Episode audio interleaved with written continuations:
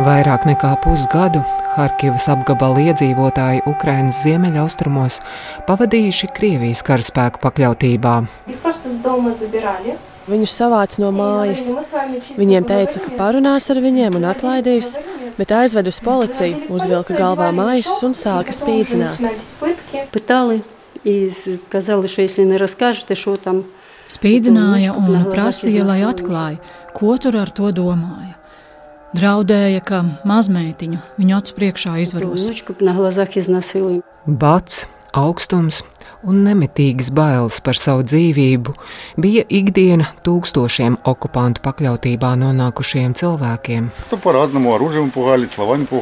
Ar ieročiem biedēja, ar vārdiem, ar darbībām. Gatavoja tam, ka Harkivas apgabals turpmāk būs Krievija. Vajadzēja iesniegt dokumentus humanitārās palīdzības saņemšanai, pieteikties Krievijas pensijai un Krievijas pilsonības saņemšanai. Visur vajadzēja iesniegt dokumentus. Vēlāk tika pateikts, kas neiesniegs dokumentus, to cilvēku mājās izvietos iebraucējus.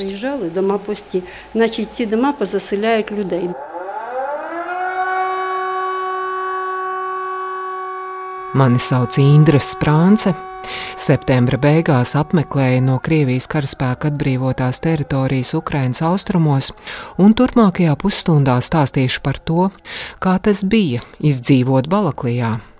Tā ir neliela pilsētiņa Harkivas apgabalā, kura vairāk nekā sešus mēnešus atradās okupantu karaspēka pakļautībā. Pamatīgi apmācies, līst. Lietus noskalo putekļus no karā izpostītās balaklijas ēku jumtiem, sitas istabās caur sprādzienos izbirušajiem logiem un izšķīst lādiņa eksploziju izrautajās bedrēs. Šādu lielāku vai mazāku bedri var atrast daudz vietā pilsētā, arī daudz stāvu dzīvojamo ēku pagalmos.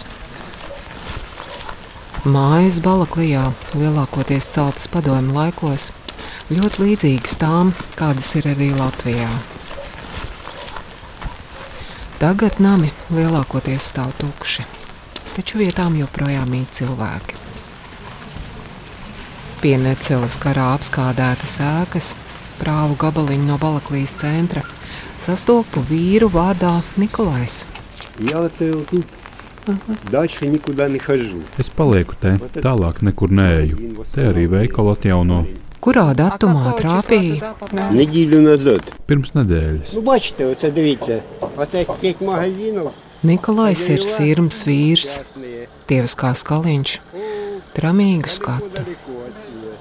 Viņš dzīvo aptuveni 9 km attālumā no Balaklijas, bet uz šejienu atbraucis ar riteni, lai, kā pats saka, pieskatītu ēku. Nama saimnieki devušies bēgļu gaitās. Pieskatīt gan te īsti nav ko. Nams ir krietni sapostīts, bet telpas, kur kādreiz bija veikals, tagad iekšpusē izskatās pēc grūvešu kaudzes. Par to, kas šeit noticis, Nikolais kategoriski nevēlas runāt. Тут не поймеш. Коли вони пішли, коли це. Te nesapratīs, kas ir atnākuši, kas, kur mūsējie metuši. Kaut ko nepareizi izpļāpāšu atkal. Jāsna. Viņš stingri piekodina, lai viņa nebildēja. Šo lūgumu pēc tam no Balaklijas iedzīvotājiem dzirdu vairāk kārtīgi. Pirmo reizi Ukrainā redzu, ka cilvēki dzīvo bailēs ne tikai no iebrucējiem viņu valstī, kas uz to brīdi, kad apmeklēja Balakliju, bija jau patriekti pārdesmit km tālāk, bet arī no kaimiņiem, pašu iedzīvotājiem, kas ir prokrieviski noskaņoti.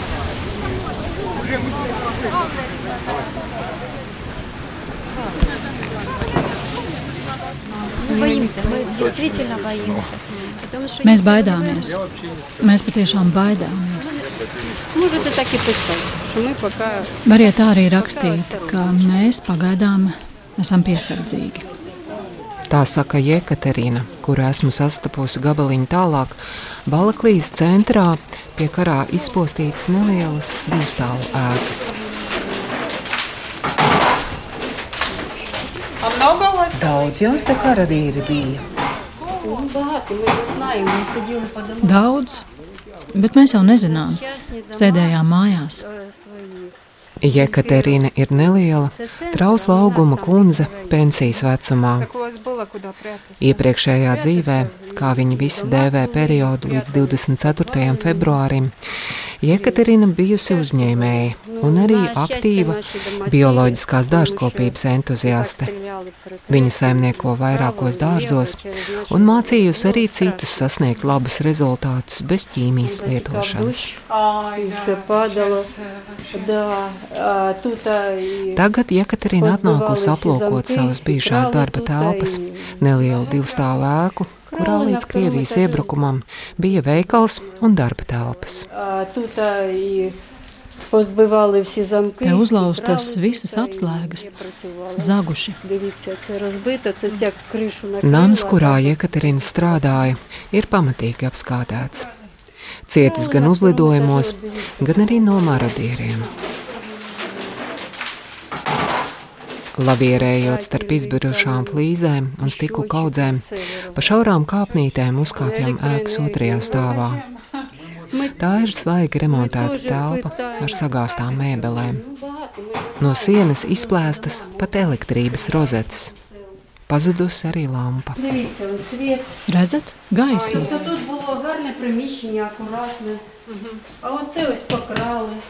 Te arī nozagts. No telpas durvju ailēm noplēstas pa to apmalas. Nu, Ārprāts, kam viņiem tas vajadzīgs? Mēs nesaprotam.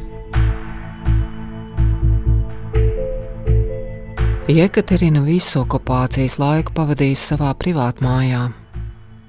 Izdzīvot varējusi, jo pagrabs bijis pilns ar konserviem un pašas audzēto. Krievi dalīja no atlaustajām noliktavām sazakto, pēc tam kaut ko no Krievijas vedam, bet mēs neņēmām to humanitāro palīdzību. Mums bija savi dārzeņi, un mēs bijām uz dārzeņu diētas, un vēl citiem palīdzējām. Kaut ienākumu nekādu nav bijis, Jekaterina neatsaucās jaunās vietvaras pārstāvju aicinājumiem pieteikties uz Krievijas pensiju vai citu palīdzību. Viņa uzskata, ka šādā veidā okupanti centušies maigā veidā piesaistīt iedzīvotājus tā dēvētajai Krievu pasaulē. Katru reizi tas gradzens savalkās ciešāk. Vajadzēja iesniegt dokumentus humanitārās palīdzības saņemšanai, pieteikties Krievijas pensijai un Krievijas pilsonības saņemšanai. Visur vajadzēja iesniegt dokumentus. Vēlāk tika pateikts, ka kas neiesniegs dokumentus, to cilvēku mājās izvietos iebraucējus. Bet cilvēki taču bija izbraukuši. Ja kāds neiesniegs dokumentus, bet atbrauks atpakaļ, jūsu mājās jau kāds dzīvos. Vai daudzi cilvēki aizgāja iesniegt dokumentus? Diemžēl. Tagad ir ļoti grūti ar šiem cilvēkiem sazināties. Otrajā dienā, kad Ukrāņi atnāca, viņi jau bija mainījuši viedokli, jau mīl Ukrainu, bet mēs taču zinām viņu iepriekšējo dabu. Ir ļoti grūti psiholoģiski. Kā tālāk dzīvot, kā uzvesties? Rajonā, kurā dzīvo Jekaterina, starp policējiem bijuši ļoti daudzi Krievijas atbalstītāji.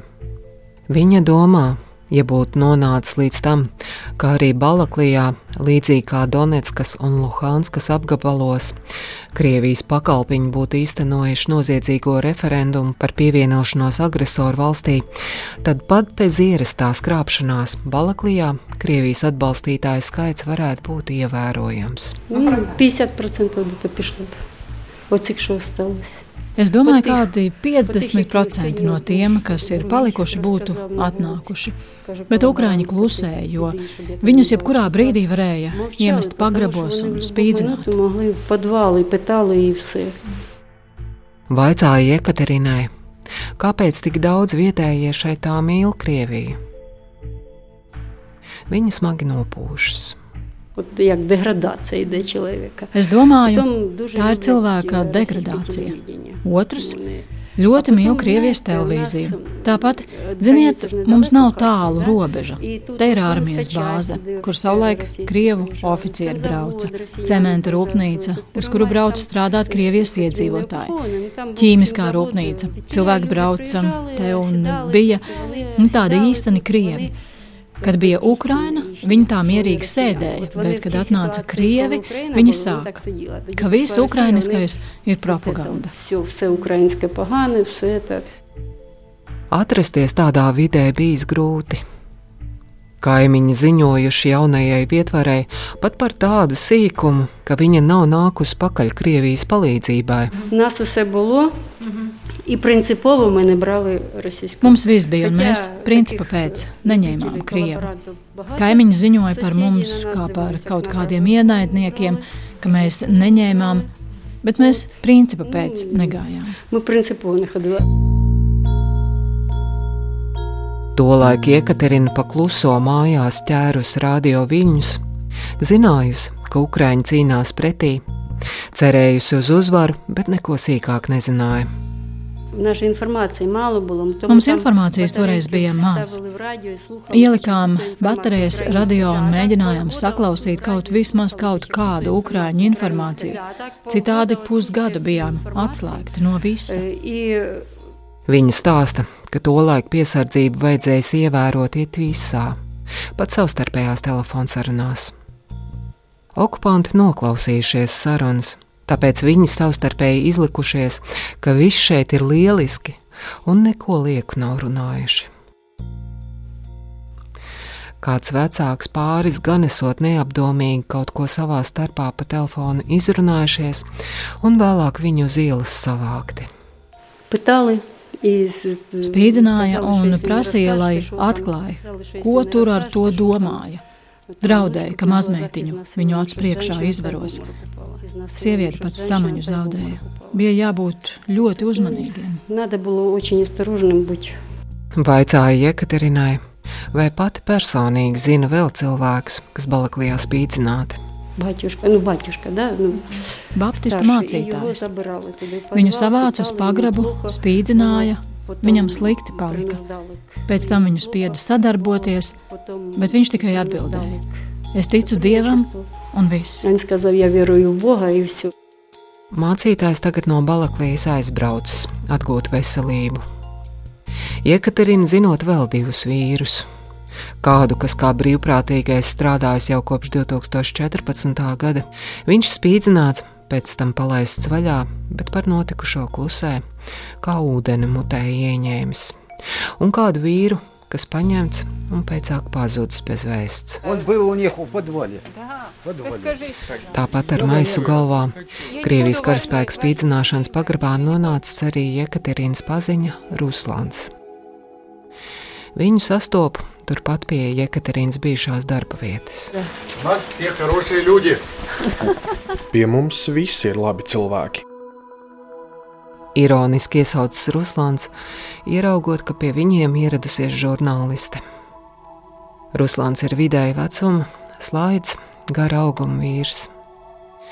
Runāt par okupantu pagrabā pieredzēto viņam ir grūti. Es nebaidos. Vienkārši negribu atcerēties atkal to visu. Priekš kam man ir jātic labajam? Visi cilvēki ir labi. Ruslāns par notikušo runā ar smaidu, brīžiem valoda drusku ķeras. Un tikai uzmanīgāk ieklausoties, var manīt dziļu ironiju par pieredzēto okupācijas periodā. Пыль немножко выбили и все. Трошки побили трішки. Putekļus mazliet izsit ārā un viss. Tas ir kā Piekāva mazliet. Ruslāna dzīves biedre vairāk pastāsta, kā notika vīra aizturēšana.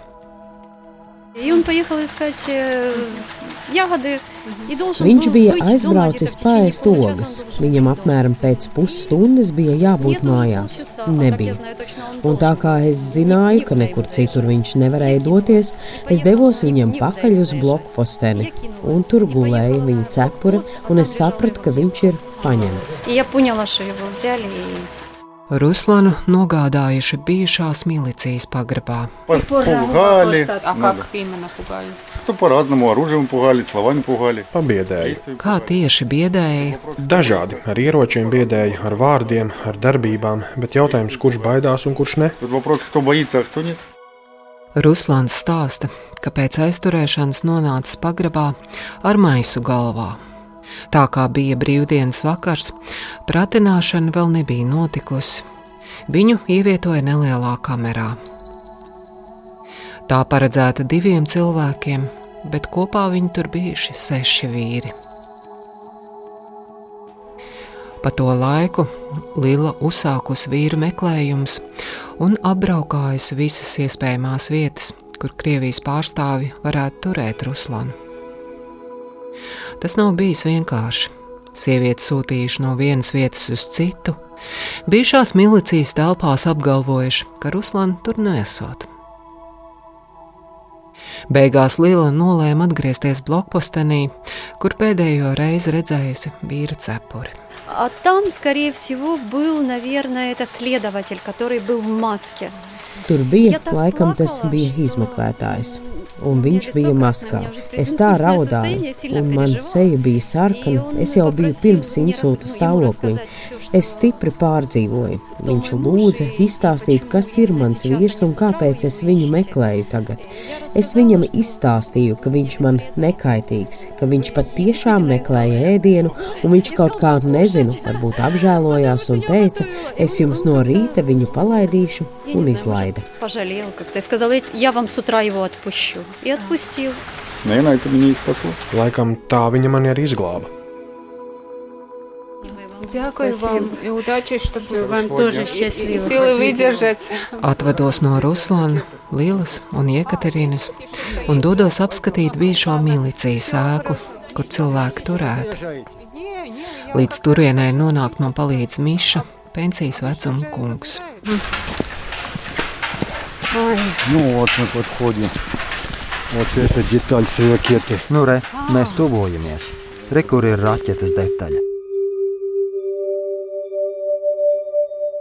Pa ceļam līdz vecajai milicijas ēkai atrodas kāda skola, kuras pagalmā piezemējušās milzīgas raķetes atlūzas.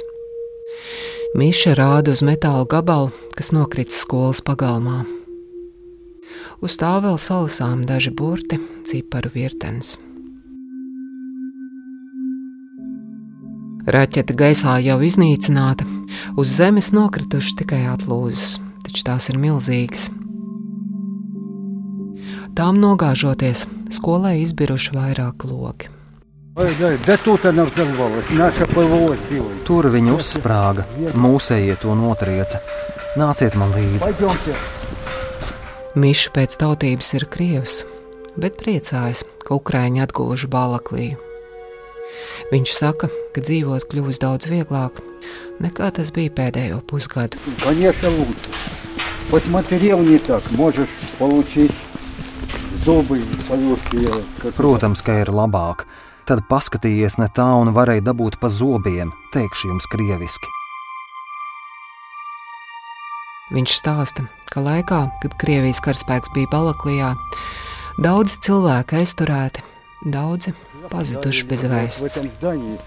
Rituālā slūdzība. Tur tajā ēkā, kur sniedz rituālos pakalpojumus, redzat, tā dzeltenā vecā ēka. Jā, Tur bija voluntieri, viņiem bija busiņš, viņi maizi gaļu vadīja. Viņi brauca tur uz kapsētas pusi un pazuda. Kur pazuda? Ну, россияне, наверное, побили их. Krievi laikam viņus nogalināja.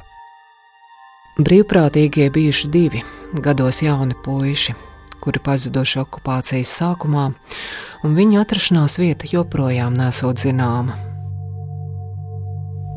Mīša stāsta, ka vecāki ļoti meklējuši dēlus.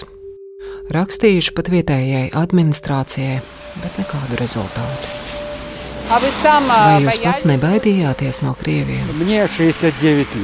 Man ir 69 gadi. Mana dzīve jau ir. Es ne. Viņš ir nikns uz vietējiem Balaklijā, kas sadarbojušies ar okupantiem. Tādu esot daudz. Nodevēji. Es viņiem saku, ņem čemodānu un laidies uz Maskavu. Par Ukrainas uzvaru viņš nešaubās. Mans personiskais viedoklis - mēs esam viņiem neiekarojami. Krimā viņi iegāja un viņus sagaidīja ar maizi un sāli. Esmu lasījis internetā, ka viņi domāja, ka arī Kijevā būs tāpat. Putins arī teica, ejiet, nebaidieties, jūs ar maizi un sāli sagaidīs, bet viņus sagaidīja ar ieročiem. Mūsu sapnis ir, lai viņi aizvācas un netraucē mums dzīvot.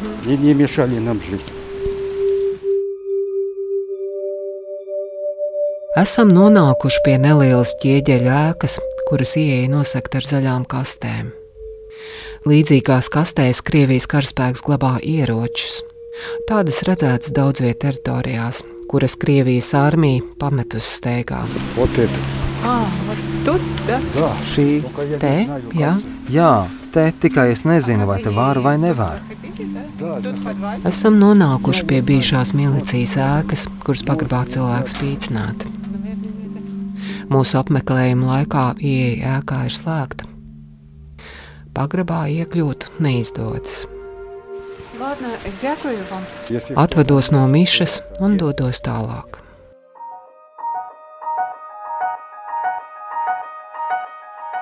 Esmu nonākusi līdz garai daudzdzīvokļu ēkai, kas pēc skata atgādina vienu no garākajām ēkām Rīgā, Ziepnieka kalnā.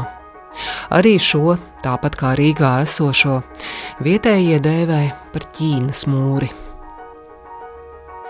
Tā pagalmā sastopas irmu vīru vārdā Aleksandrs. Шесть месяцев. Каждый день тут же все время прилетал, все время. Sešus mēnešus katru dienu te lidoja lādiņi. Tur no tās puses, cik reizes ir trāpījuši mājai. Kāra rūpnīca ir blakus un visu laiku bombardē. Военный завод рядом. Бомбят каждый день. Viņš stāsta, ka okupācijas periodā šajā namā uz vietas bijušas piecas ģimenes. No viņiem nogalināti divi cilvēki. Vienu vīrieti nogalināja pieturā pretī mājai, otru malējā kāpņu telpā.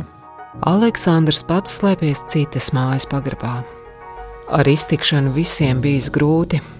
Okupanti izsniegtās pārtikas devas bijušas niecīgas, bet nopirkt praktiski neko nevarēja. Okupācijas periodā cenas pārtikas produktiem Balaklijā uzkāpušas prātam neaptveramos apmēros. Тут такие цены были, что на, на нашу Te пенсию. bija tādas cenas, ka par mūsu pensijām Колбаса 700 гривен. Desa maksāja 700 grivnas. 700 grivnas ir nepilni 19 eiro. Aleksandra pensija ir 2000 grivnas, tātad nepilnu 3 desas gabalu vērtībā. Ar pārtiku tirgojušies spekulanti, kuriem kaut kādā veidā bija iespēja brīvi pārvietoties Krievijas armijas kontrolētajā teritorijā. Uz vietas Balaklijā neviens veikals nesot strādājis. Tagad Aleksandrs pieteicies uz visu iespējamo humanitāro palīdzību, un, lai izstāvētu visās rindās, uz rokas sarakstījis tur ieņemtos vietas numurus. О, 761 даже. Rekur 761. numurs pat ir. Jums tik daudz cilvēku te ir palikuši? 761. Кажется, Вообще по району 12 тысяч тут было и оставалось. Nu, runā, ka visā rajonā bija palikuši 12,000 cilvēku. dodos tālāk pa vienu no galvenajām ielām. Te pie ēku sienām adreses norādītas gan ukrāņu, gan krievu valodā. Skatos, ka te ir Leņķina iela 77 un Sabornijas iela. Jā, tā tika pārdēvēta bet vecie ielas nosaukumi kaut kā vēl palikuši. Pie mājas sastatā kundze skaidro, ka vecie nosaukumi pie mājas ienām palikuši ērtības labad, lai arī iela sen jau vairs nav ģiņina iela. Sieviete sauc Svetlana, Un arī viņi stāsta, ka izdzīvošana šajā periodā bija smaga. Bail bija ļoti pirmo mēnesi, kad nekas vēl nebija saprotams. Viss bija aizvērts, ne veikali, ne humanitārā palīdzība, nekas nebija. Mēs bijām te un nezinājām, ko gaidīt. Šāva tā, ka māja lēkāja подскакивал дом, и мы в нем там. Kāda bija Krievu attieksme pret jums, vietējiem iedzīvotājiem? Nu, сказала, что разная. Там тоже люди разные. Es teiktu, ka dažāda. Tur arī cilvēki ir ļoti dažādi. Bija cilvēki, karavīri, kas mūs neaiztika, bet runā, ka atsevišķos gadījumos, kad bija aizdomas par kaut ko, cilvēkus ņēma ciet, viņi pazuda, viņus mocīja, bet mēs to neredzējām. Centāmies no mājas mājas ārā daudz neiet, lai zem apšaudas nenonāktu. Arī Svetlana stāsta, ka okupanti uzskaitījuši pilsētā esošos cilvēkus, veidojuši sarakstus, bija jānodod arī dokumentu kopijas. Viņi gatavojuši pilsētas iedzīvotājus tam, ka turpmāk Balaklija būs Krievija. Stāsta vēl viens šīs mājas iemītnieks vārdā Aleksandrs. Они запускали такой везде это слушок, подготавливали. Viņi palaida tādas runas, gatavoja morāli, ka tas vienalga tā notiks. Ka mēs esam atnākuši šeit uz palikšanu. Šī visa teritorija jau ir Krievija. Это все территория, это уже Россия.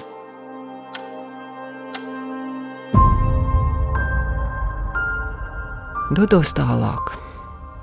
Esmu nonākusi līdz nelielai, gaiši zilai baznīcai iekšpusē dzīvība kūsā. Все, сейчас, заходите, заходите. Līt, nāciet, nāciet iekšā. Baznīcas loga ailes aizklāts ar finieru plāksnēm, bet iekšpusē, zālē, puskrēslā pie galdiem sasēduši vairāki desmiti baliklīs iedzīvotāji. Viņiem vairāk nepieciešama savstarpēja aprunāšanās, atbalsts. Cilvēki atnāk vienkārši aprunāties. Mēs iepriekš pie ieejas vienkārši piedāvājām siltu tēju un maizi. Cilvēki nāca, ņēma un runājās savā starpā. Lielākā daļa cilvēku šeit ir nosēdējuši pagrabos, viņi ir iznākuši no turienes. Viņiem ir nepieciešama cilvēciska komunikācija. Daudz palikuši vieni. Tā stāsta Sērhio un viņa dzīves biedra Jūlija. Abi jaunieši ir Baptistu baznīcas brīvprātīgie. Jūlija līdz iebrukumam dzīvojusi Balaklijas apkaimē, bet pirmajās nedēļās pēc Krievijas karaspēka ienākšanas šo vietu pametusi. Tas bija laikā, kad viņa ļāva aizbraukt. Pēc Balaklijas atbrīvošanas septembra sākumā jaunieši atgriezušies pilsētā, lai organizētu humanās palīdzības sniegšanu. Un cilvēku nāk daudz. Nu, мы, у нас было 210 человек в воскресенье, мы их разделили по... Svētdien mums bija 210 cilvēki. Mēs viņus sadalījām pa grupām. Tagad mēs veidojam produktu pakas, gatavojam arī higiēnas preču pakas. Mums ir arī medicīniskais kabinets zāļu saņemšanai.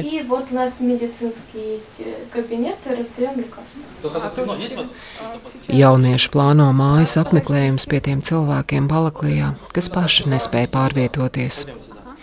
Kopumā pilsētā uz šo brīdi apzināti 35 šādi cilvēki, taču viegli nav klājies arī citiem. Kā stāsta jaunieši, viņiem šajās dienās nācies uzklausīt ļoti daudzus stāstus par spīdzināšanām okupētajā Balaklijā. Turpina Jūlija.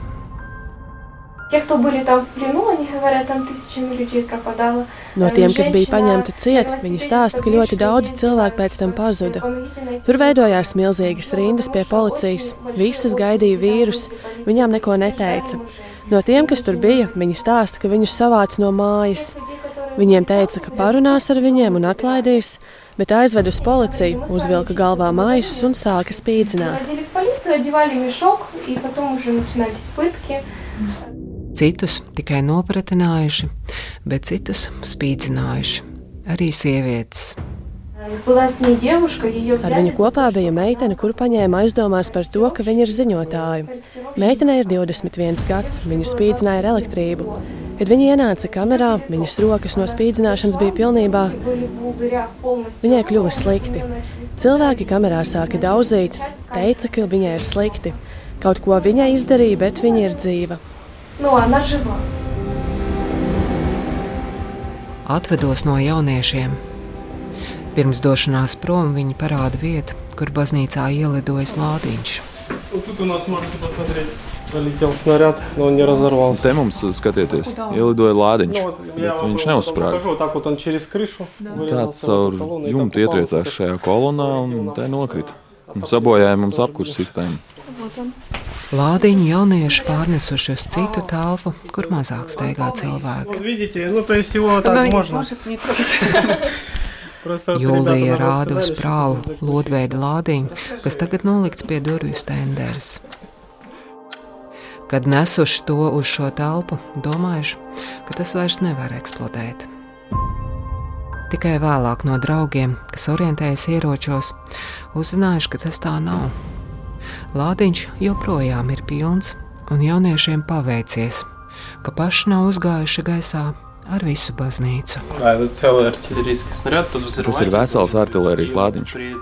Tajā būtu detonatoram, bet piezemēšanās laikā tas salūzis un nedetonēja.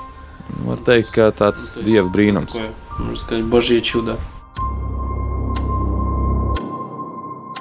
Raidījumu veidoja Indra Sprānce, bet par labskaņu rūpējās Nora Mitspapa.